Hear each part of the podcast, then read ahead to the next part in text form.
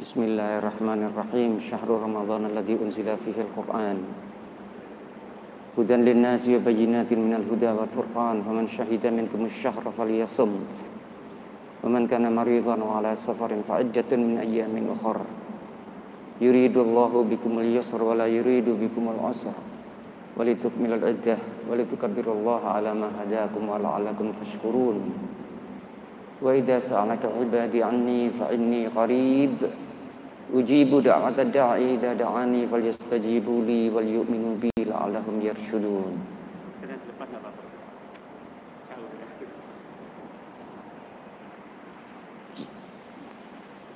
Alhamdulillah pada siang hari ini kita bisa bersama-sama hadir dalam majelis yang mulia ini. Pada bulan yang mulia Mudah-mudahan semua yang kita lakukan ini bisa diterima oleh Allah sebagai langkah-langkah kita mendekatkan diri kepadanya. Kita berdoa kehadirat Allah Subhanahu wa taala. Semoga pada saat ini Allah sedang memperhatikan kita. Mengampuni dosa-dosa kita, mengabulkan doa-doa kita. Menjadikan kita manusia-manusia yang amalnya bertambah baik dari hari ke hari manusia-manusia yang hidupnya kontributif dijadikan kita suami-suami dan ayah yang soleh diberi kita istri yang solihah diberi kita anak-anak yang soleh anak-anak yang solihah anak-anak yang mencintai bangsanya anak-anak yang mencintai umatnya anak-anak yang mencintai agamanya anak-anak yang mencintai Al-Quran anak-anak yang mencintai Rasulullah Sallallahu alaihi wasallam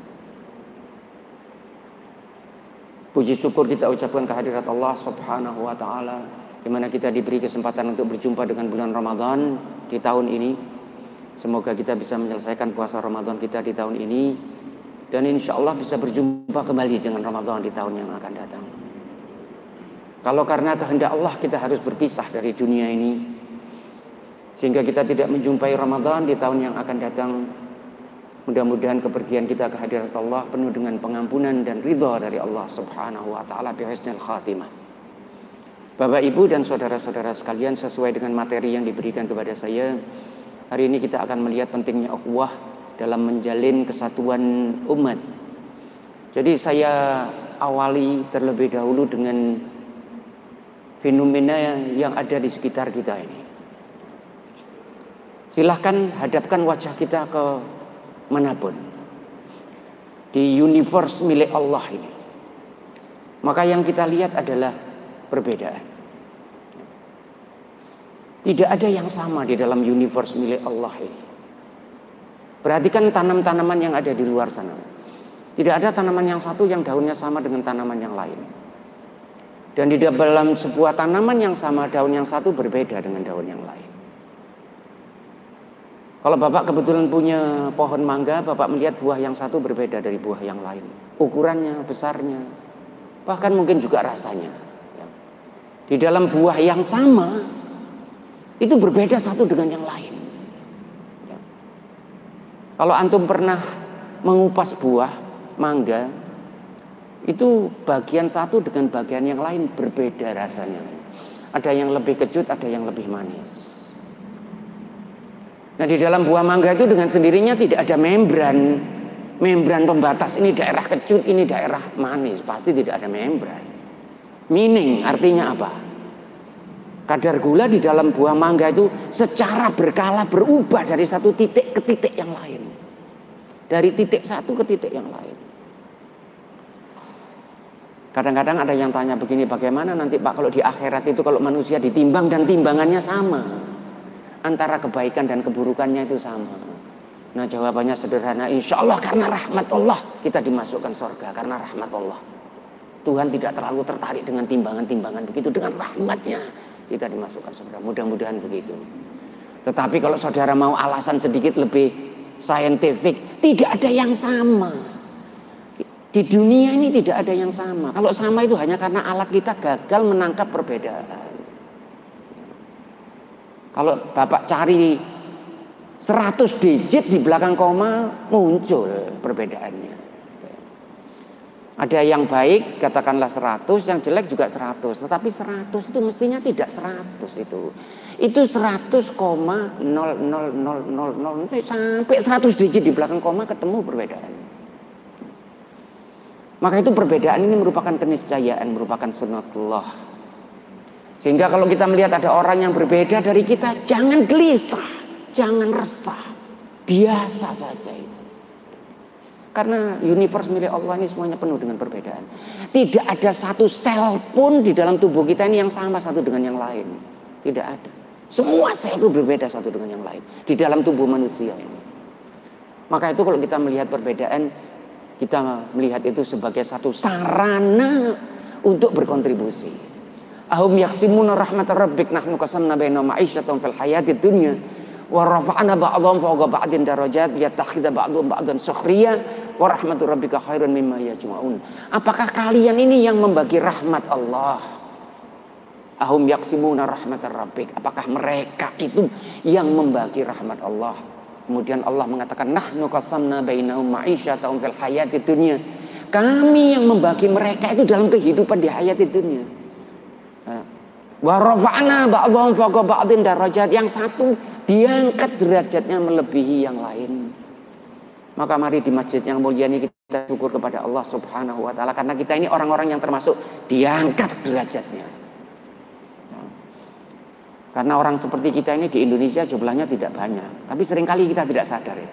Kita menganggap kalau saya ini orang biasa, Pak. Di Indonesia kita ini bukan orang biasa. Di Indonesia bukan orang biasa. Orang seperti kita ini sudah diangkat derajat oleh Allah. Lihat tak kita ba'dun ba'dun sukhriya supaya yang satu bisa memberi pelayanan kepada yang lain. Warahmatu rabbika khairun mimma yajma'un dan sesungguhnya rahmat Allah itu lebih baik dari apa yang mereka kumpulkan. Kalau kita mencoba menangkap kira-kira apa hikmah di balik perbedaan itu, ya, maka kita akan melihat satu fenomena yang menarik. Perbedaan itu adalah syarat awal ya, untuk terjadinya aliran. Ya kalau bapak punya mainan anak-anak, kereta mainan anak-anak, kemudian bapak letakkan di meja yang datar seperti ini, horizontal seperti ini, bapak letakkan di sini, sampai yaumul kiamah dia tidak akan bergerak, kecuali kalau digerakkan, dia akan tetap di situ, tidak ada flow, tidak ada gerakan. Tetapi kalau mejanya ini miring, maka kereta akan bergerak. Perbedaan ketinggian itu menyebabkan gerakan. Air itu mengalir dari atas ke bawah, dari pedalaman menuju ke laut. Karena apa? Karena ada perbedaan ketinggian. Kemudian air mengalir. Listrik itu tidak akan pernah mengalir kecuali ada perbedaan potensial. Maka itu kalau bapak-bapak pernah belajar fisika, insya Allah yang di SMA pernah belajar fisika, itu ada aliran panas, heat transfer, aliran panas. Rumusnya bagaimana aliran panas itu? Ada A, ada B, ada di belakangnya itu selalu ada delta T. Apa pun selalu begitu, selalu ada delta T, perbedaan temperatur.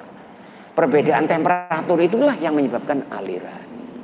Maka itu kalau kita punya perbedaan satu dengan yang lain, itu adalah sarana supaya terjadi aliran. Yang satu memberi kepada yang lain, yang satu bisa menerima dari yang lain. Maka itu kata Nabi Sulaiman tidak ada seorang pun yang kaya di dunia ini yang tidak butuh kepada orang lain. Dan tidak ada seorang pun yang miskin di dunia ini yang tidak bisa memberikan kepada orang lain. Maka itu kalau ada orang yang berbeda dari kita itu sarana memberi. Bapak tidak sama dengan saya. Bapak punya sesuatu yang saya tidak punya. Saya insya Allah punya sesuatu yang antum tidak punya. Maka itu kalau kita bertemu, mari saling memberi, saling melengkapi. Dalam kehidupan seorang muslim, ukhuwah itu sangat dianjurkan. Bahkan di dalam Al-Quran, ukhuwah itu dikatakan nikmat. Dan memang betul, lihat ini nikmatnya ini, lihat nikmatnya ini. Betapa bahagianya kita pada hari ini duduk satu dengan lain yang insya Allah hati dengan ikhlas mendoakan saudara-saudaranya kebahagiaan. Ya ayyuhalladzina amanu taqullaha haqqa tuqatih wa la tamutunna illa wa antum muslimun wa atasimu bihablillahi jami'an wa la tafarraqu. Ya. Wa dzkuru ni'matallahi idh kuntum wa dzkuru ni'matallahi 'alaikum idh kuntum a'daan fa'alafa baina qulubikum fa asbahtum bi ni'mati ikhwana wa kuntum ala syafa hufratin minan nari fa anqatakum minha kadzalika yubayyinullahu lakum ayatihi la'allakum tahtadun. Ya. Wahai orang-orang yang beriman bertakwalah kepada Allah. Wa'tasimu bihablillahi jami'an wa la tafarraqu. Dan berpeganglah teguh pada tali Allah jangan bercerai-berai. Wadhkuru nikmatallahi alaikum dan ingatlah nikmat Allah yang diberikan kepadamu. Wadhkuru nikmatallahi alaikum id kuntum a'daan fa'allafa baina qulubikum fa asbahtum bi nikmati ikhwana. Kamu ini dijadikan bersaudara yang tadinya kamu tuh saling bermusuhan Kemudian dengan nikmat Islam ini kita bisa menjadi saudara. Dan persaudaraan di dalam Islam itu adalah persaudaraan yang luar biasa. Dan ini saya katakan ini bukan saya seorang mukmin, seorang muslim. Alhamdulillah. Bapak lihat di seluruh dunia di mana pun. Kalau sudah namanya Islam itu persaudaraannya tidak ada tandingannya. Kalau di Perancis itu ada istilah egalite, fraternité, liberté. Fraternité itu maksudnya persaudaraan. Tapi sebetulnya tidak ada persaudaraan seperti itu. Orang hitam tetap hitam di mana pun dia. Di Amerika itu kalau orang hitam tetap hitam. Apa pun yang mereka lakukan. Maka itu di Amerika ada istilah brother. Yang dari Indonesia bisa bro, bro itu kalau antum pernah dengar. Ya apa bro kabari bro itu dari brother. Itu istilah orang hitam. Orang kulit hitam itu dia bilang he is my brother. Tetapi untuk orang kulit putih dia tidak menggunakan istilah bro itu untuk orang kulit putih. Karena dia belum menganggapnya brother. Karena untuk orang kulit putih mereka juga bukan brother. Bahkan di daerah-daerah tertentu itu orang-orang kita masih dilarang masuk untuk tempat-tempat uh, restoran dan sebagainya. Bagaimana dengan Islam? Tidak ada itu. Sekali kita mengatakan la ilaha illallah Muhammadur Rasulullah, siapa pun orangnya, siapa pun bentuknya, dia adalah saudara saya. Dan itu beneran itu bukan bahasa bukan bahasa retorika. Dan itu dicontohkan oleh Rasulullah Shallallahu Alaihi Wasallam. Ketika Rasul Fathu Mekah masuk itu, Fathu Mekah dengan 10 ribu orang tentara, ya dari Madinah menuju Mekah. Kemudian Rasul meminta kunci Ka'bah dan Rasul masuk ke dalam Ka'bah. Siapa yang masuk bersama-sama Rasul di dalam Ka'bah itu? Siapa yang diajak masuk itu siapa? Bilal ibn Rabah orang hitam dan Usama ibn Zaid anak hitam. Kesayangan Rasulullah Sallallahu Alaihi Wasallam. Usama ibn Zaid. Ini anak ini kesayangan Rasul. Sehingga Usama ini Usama ini anak Zaid. Yang Zaid itu adalah anak angkat Rasulullah Sallallahu Alaihi Wasallam. Usama ini anaknya. Zaid ini orang Arab wajahnya putih. Dia beristrikan dengan Ummu Aiman. Ummu Aiman ini orang Ethiopia wajahnya hitam. Punya anak yang namanya Usama Usama ini wajahnya hitam Bahkan di dalam buku-buku sirah itu dikatakan aswadul lail. Aswadul lail hitamnya seperti malam yang gelap. Ya. Tetapi Rasulullah Sallallahu Alaihi Wasallam cintanya sama Usama ini bukan main. Sehingga Usama ini dinamakan di antara sahabat Al-Hibbu Ibnul Hib. Kekasih anak kekasih.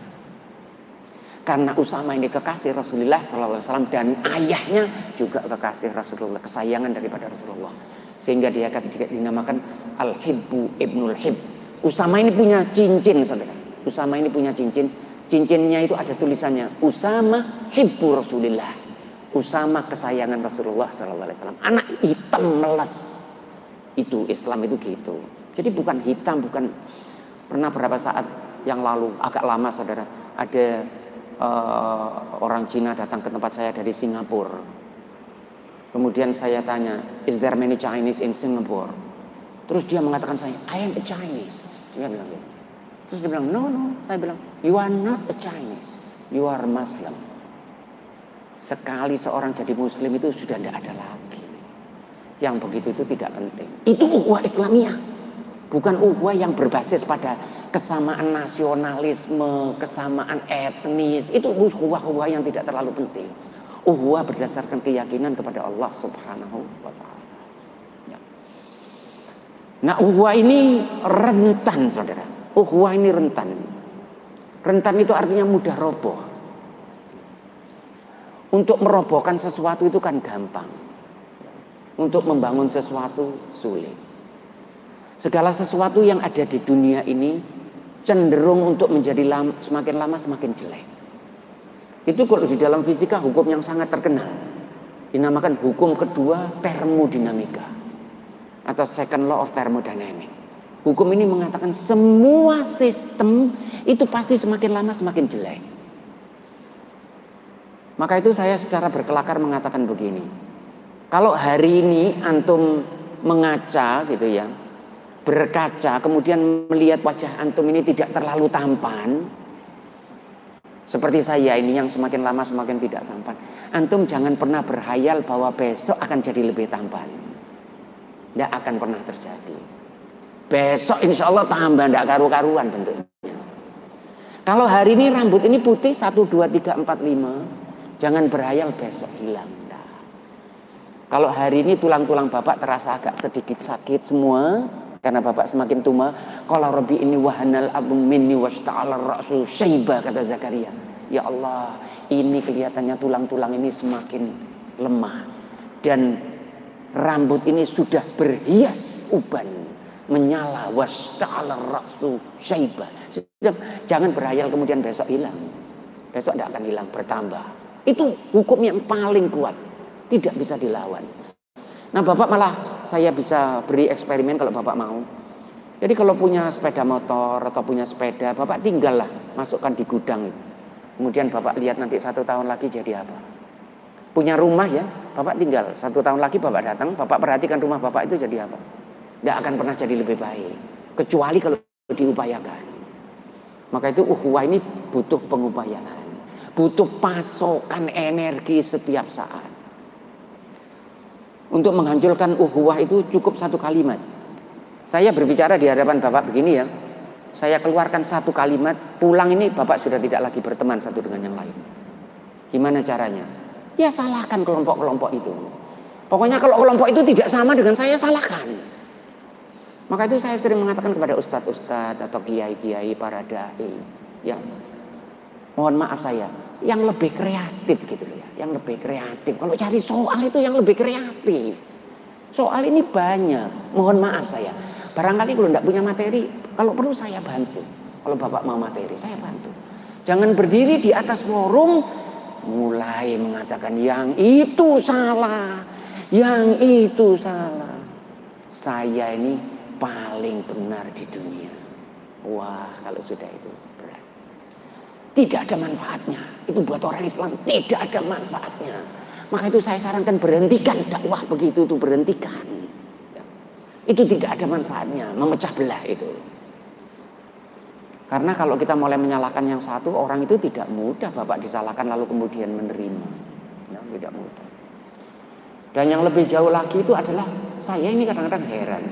Bagaimana orang itu bisa tahu kalau dirinya benar ini? Kenapa kok kita bisa yakin? Kenapa kita itu kok demikian arogan sehingga saya ini bisa menemukan kebenaran yang orang lain tidak bisa menemukan? Apa dasarnya? Saya ini dapat wahyu, saya ini dapat wahyu dari Allah sehingga saya ini loh kok yang paling tahu itu karena apa? Tetapi biasanya orang yang tidak sering menganalisis pikirannya itu lepas dari pikirannya. Baca buku satu, dua, kemudian sudah semua sudah khatam. Bukunya dua. Buku yang sama jilid satu dan jilid dua. Orang lain ini punya buku ratusan ribu bukunya. Saya itu punya CD Bapak ya, punya CD itu isinya di dalam lebih dari 15 ribu buku. Easily, easily. Apalagi Bapak kalau mau sekarang. Saya ini sekarang kalau buka internet, saya masuk situs tertentu, saya selalu ditawari, apakah Anda mau buku? Saya tidak mau, karena buku saya terlalu banyak yang belum saya baca. Saya tidak sanggup. Maka itu yang sering kali merusak uhuwah ini adalah keyakinan seseorang bahwa dia yang paling benar. Dia sudah tahu, yang lain tidak. Nah sikap seperti itu tidak diyakini pada ulama-ulama besar.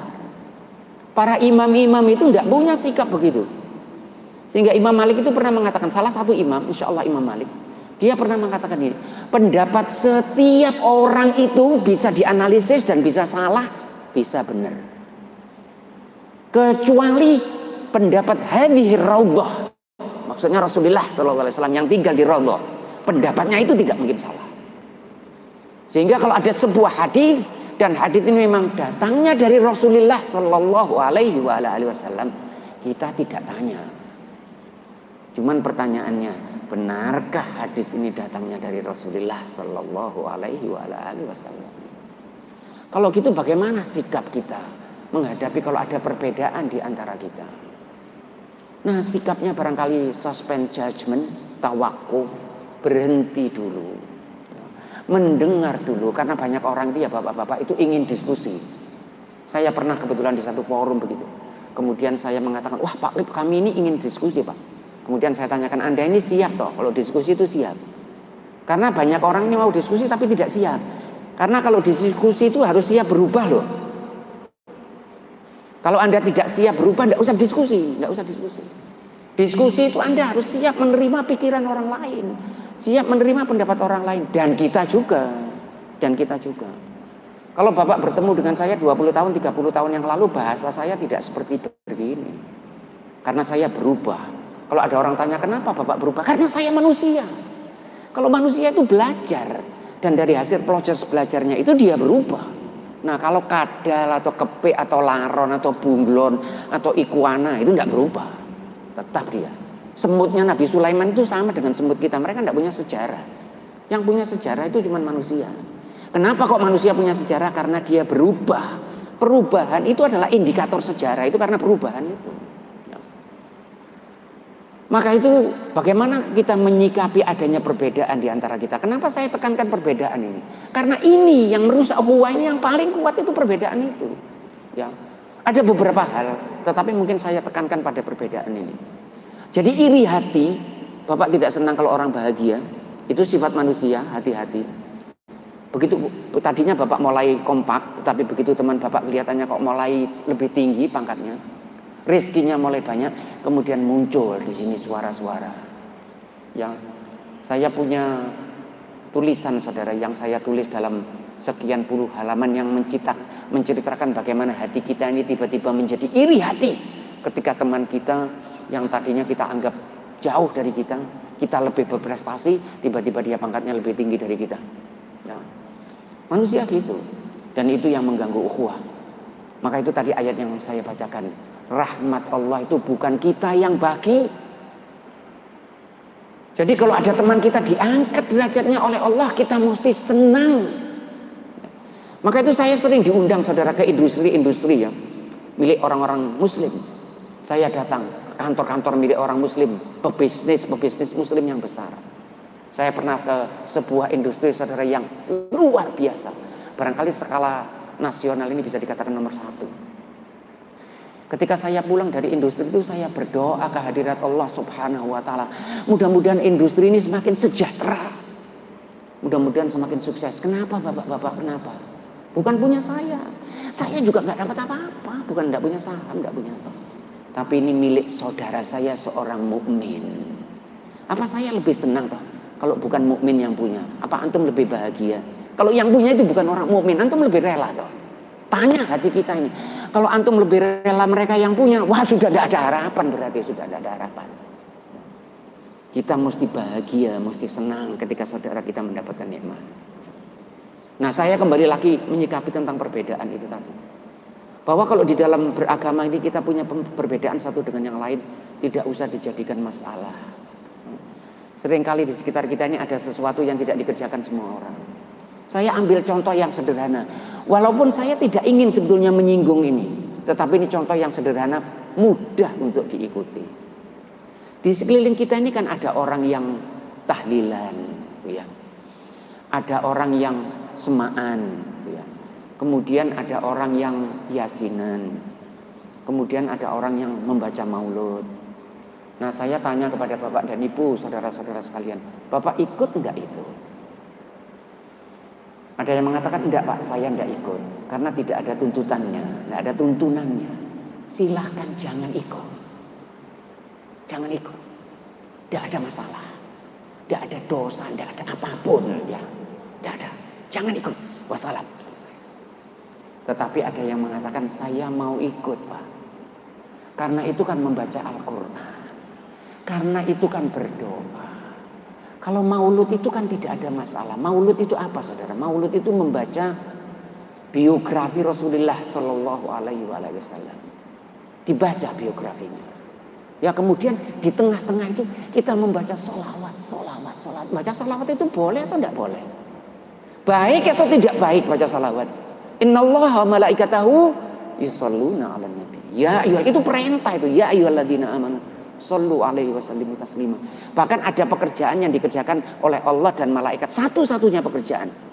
Di one and only. Satu-satunya pekerjaan. Yang dikerjakan oleh Allah dan malaikat dan manusia adalah solawat. Yang lain tidak ada. Kalau kita sholat itu Tuhan tidak sholat. Kita berdoa, Tuhan tidak berdoa. Kalau kita puasa, malaikat tidak puasa. Kalaupun puasa bukan seperti kita ini. Ya, tapi pekerjaan sholawat dikerjakan bersama-sama oleh Allah, oleh malaikat, oleh kita. Innallaha wa malaikatahu. Sesungguhnya Allah dan para man yusalluna ala nabi. Bersalawat. Dan and still. Dan terus sampai sekarang pun masih tetap bersalawat. Sehingga kalau hadir maulud itu baca sholawat. Membaca biografi. Kemudian ada ceramah. Apa yang salah? Ya. Biasanya ustadz-ustadz yang dari Saudi itu paling keren. Kalau sudah ada maulud itu. Yang dari Saudi itu kerennya luar biasa. Buku tulisan mereka itu selalu bilang jangan hadiri ini yang maulud. Tetapi mereka sangat lenient. Sangat apa ya longgar terhadap pemerintahan Arab Saudi yang jauh dari Islam. Lah raja jadi raja punya anak jadi raja itu apa? Ajaran Rasul gitu. Dia ada kritik begitu di Masjidil Haram, tidak ada. Tidak ada. Maulud itu yang dikritik, baca salawat. Maka itu buat saya ndak usah saudara ribut. Mau maulud monggo kerso. Ndak mau, ndak ada masalah. Kalau ada teman saudara mau ke mana maulud, oh nggih, ya wes, itu ndak. Kenapa sih kok jadi masalah? Anda tahu kalau itu betul, Bapak kalau tanya ke saya, saya tahu kalau itu betul. Saya tidak tahu. Ya nanti di hari akhir. Tetapi niatnya, niatnya baik. Mau baca salawat. Iya Pak, tapi itu nanti kan diberi berkat. Diberi. Alhamdulillah. Ada yang bilang itu nanti saya tidak setuju itu Pak nanti pakai berdiri. Wis toh anggapan itu sikili kesel gitu loh logo terus kesel nah terus. Jangan jadi soal. Karena kalau Bapak tanya siapa yang benar? Kadang-kadang orang itu jumawa, arogan. Seolah-olah menemukan kebenaran itu demikian mudah. Terakhir, karena waktu saya 30 menit. Bisa enggak kebenaran itu lebih dari satu? Nah, itu sering kali orang ngotot. Dan biasanya bukan para ilmuwan yang sering ngotot begitu. Loh ini, ini kalau benar nggak mungkin toh Pak kebenaran itu lebih dari satu. Loh cari sopo nggak mungkin itu. Kata siapa kebenaran itu harus tunggal. Saya ambil contoh yang sederhana. Bapak-bapak ini yang pernah di SMP saja, ya. Saya buatkan soal persamaan kuadrat. Ya, saya buatkan soal persamaan kuadrat sebentar. X minus 3, X minus 2 berarti X kuadrat minus 5X plus 6 sama dengan 0. X kuadrat minus 5X plus 6 sama dengan 0. Cari akar-akarnya. Ya, Bapak kan ingat di SMP mesti semua tak bisa itu. Angel sedikit tidak apa-apa. Berapa akarnya? X1 sama dengan 3, X2 sama dengan 2. 3 dan 2. Nah saya tanya antum, yang mana yang betul Pak? Yang 3 atau yang 2? Dua-dua. Matematika loh Pak. Matematika itu ilmu yang paling rigorous. Paling dingin. Paling objektif. Tidak terpengaruh siapa saja. Bahkan matematika itu di akhirat insya Allah saya tidak tahu. Sama dengan matematika di dunia. Kalau fisika belum tentu sama. Hukum gravitasi mungkin di akhirat tidak ada. Lapar hukum biologis tidak ada. Bapak tidak akan menerangkan. Tapi dua tambah dua di dunia empat, di akhirat juga empat insya Allah. Tiga betul, dua juga betul. Loh kenapa kok di dalam agama tidak bisa betul dua? Insya Allah betul. Di dalam contoh Rasulullah banyak. Ada seseorang yang ketika mau sholat tidak dapat air, kemudian dia tayamum. Kemudian mereka sholat dua orang. Kemudian yang satu kemudian dalam perjalanan mereka menemukan air. Yang satu kemudian berwudhu dengan air kemudian sholat. Yang satu mengatakan tidak karena saya sudah tayamum. Saya sudah sholat. Saya sudah menunaikan kewajiban saya. Kedua-duanya datang kepada Rasulullah dan mengatakan dan kedua-duanya dibenarkan oleh Rasulullah Sallallahu Alaihi Wasallam. Kamu betul, kamu betul, kamu pahalamu lebih karena kamu sholat dua kali. Dan contoh yang lain masih banyak. Nah ini contoh yang terakhir. Bapak kalau ada orang yang sholat itu kan macam-macam ya. Terutama kalau bapak pergi ke haji, sholatnya macam-macam. Lain-lain satu dengan yang lain. Ada yang tangannya ke bawah, ada agak atas, ada yang atas kiri. Pokoknya macam-macam. Ada yang miring gini sedikit. Yang mana yang benar di antara mereka itu? Saya melihat dengan rahmat Allah, insya Allah semuanya benar. Tapi ada ustadz yang mengatakan begini, itu ada hadis. Sallu kama muni usalli. Orang itu kalau sholat itu harus mencontoh Rasulullah Sallallahu Alaihi. Nah, saya pertanyaan saya sederhana, kamu tuh punya video toh? Punya videonya Rasulullah toh? Karena kalau gerakan, gerakan itu harus ditunjukkan secara visual kan? Benar atau tidak gerakan tuh? Bisa enggak gerakan itu dinyatakan secara verbal? Gerakan kaki kanan membentuk sudut 50 derajat ke kiri dengan posisi koordinat gitu visual. Maka itu kalau orang latihan, itu latihan apa itu? Apa fitness itu kan ada gurunya untuk menunjukkan ke kanan ke kiri gitu. Tidak ada yang punya video. Semua bilang begitu. Semua bilang ini Rasulullah kalau sholat begini. Semua mengatakan begitu. Maka itu nanti di hari akhir ada 10 orang di hadapan Allah Subhanahu wa taala ditanya kamu mukmin ya, kamu mukmin, semua mukmin, semua muslim. Kamu sholat ya. Bagaimana sholatmu? Kemudian yang nomor satu memperagakan sholatnya. Baik, kata Allah. Ini contoh saja. Yang nomor dua, bagaimana sholatmu? Dia memperagakan sholatnya. Baik, kata Allah nomor satu dan nomor dua sampai nomor sepuluh tidak ada yang sama. Ya, berbeda-beda, perbedaan sedikit, tapi berbeda-beda. Ya.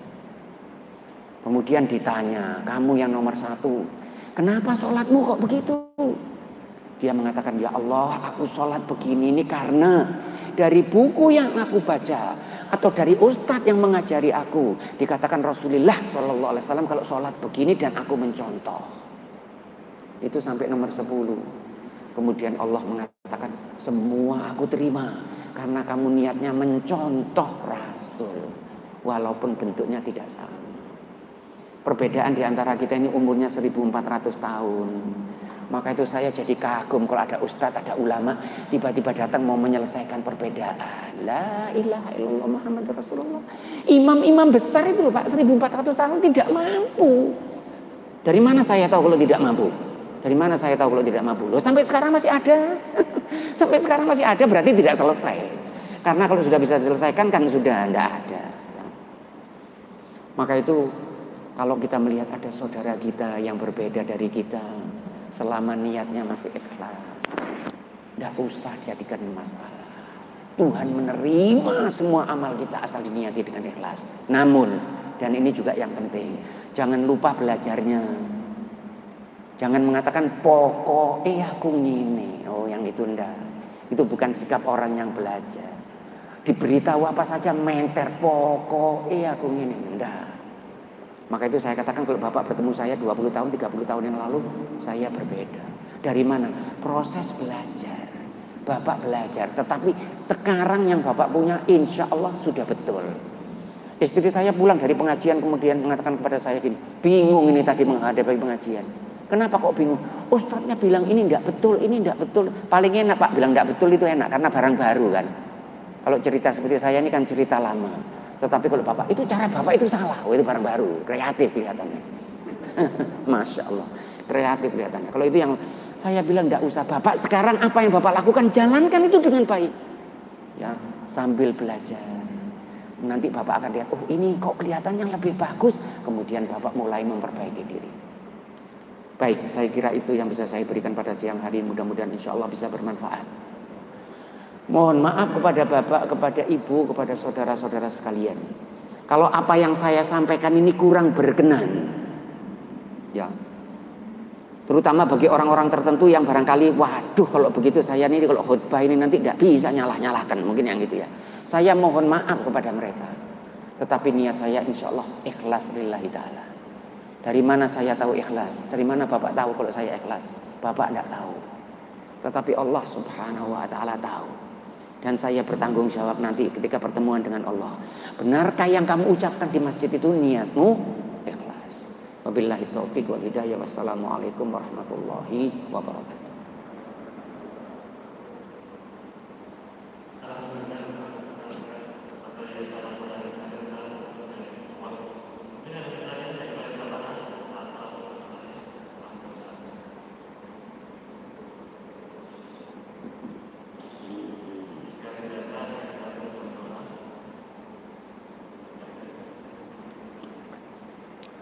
Baik, mari kita tutup acara kita ini dengan doa kehadirat Allah Subhanahu wa taala.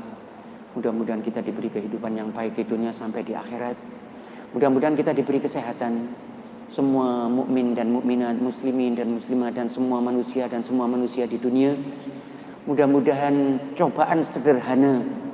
Sebetulnya ini cobaan sederhana ya, yang Allah berikan kepada kita. Mudah-mudahan segera dientas. Mudah-mudahan segera kita dibebaskan dari pandemi yang ada dan mudah-mudahan kehidupan kita bisa menjadi lebih baik. Bismillahirrahmanirrahim.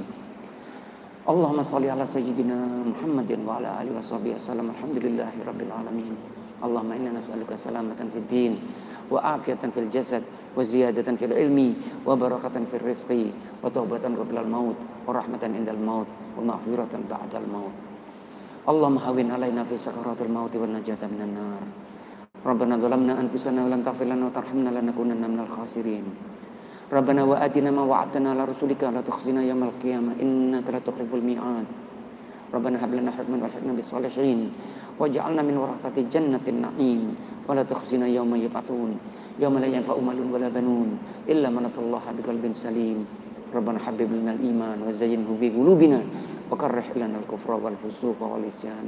اللهم أعنا على ذكرك وشكرك وحسن عبادتك. اللهم إنا نسألك رضاك والجنة ونعوذ بك من سخطك والنار. ربنا آتنا في الدنيا حسنة وفي الآخرة حسنة وقنا عذاب النار.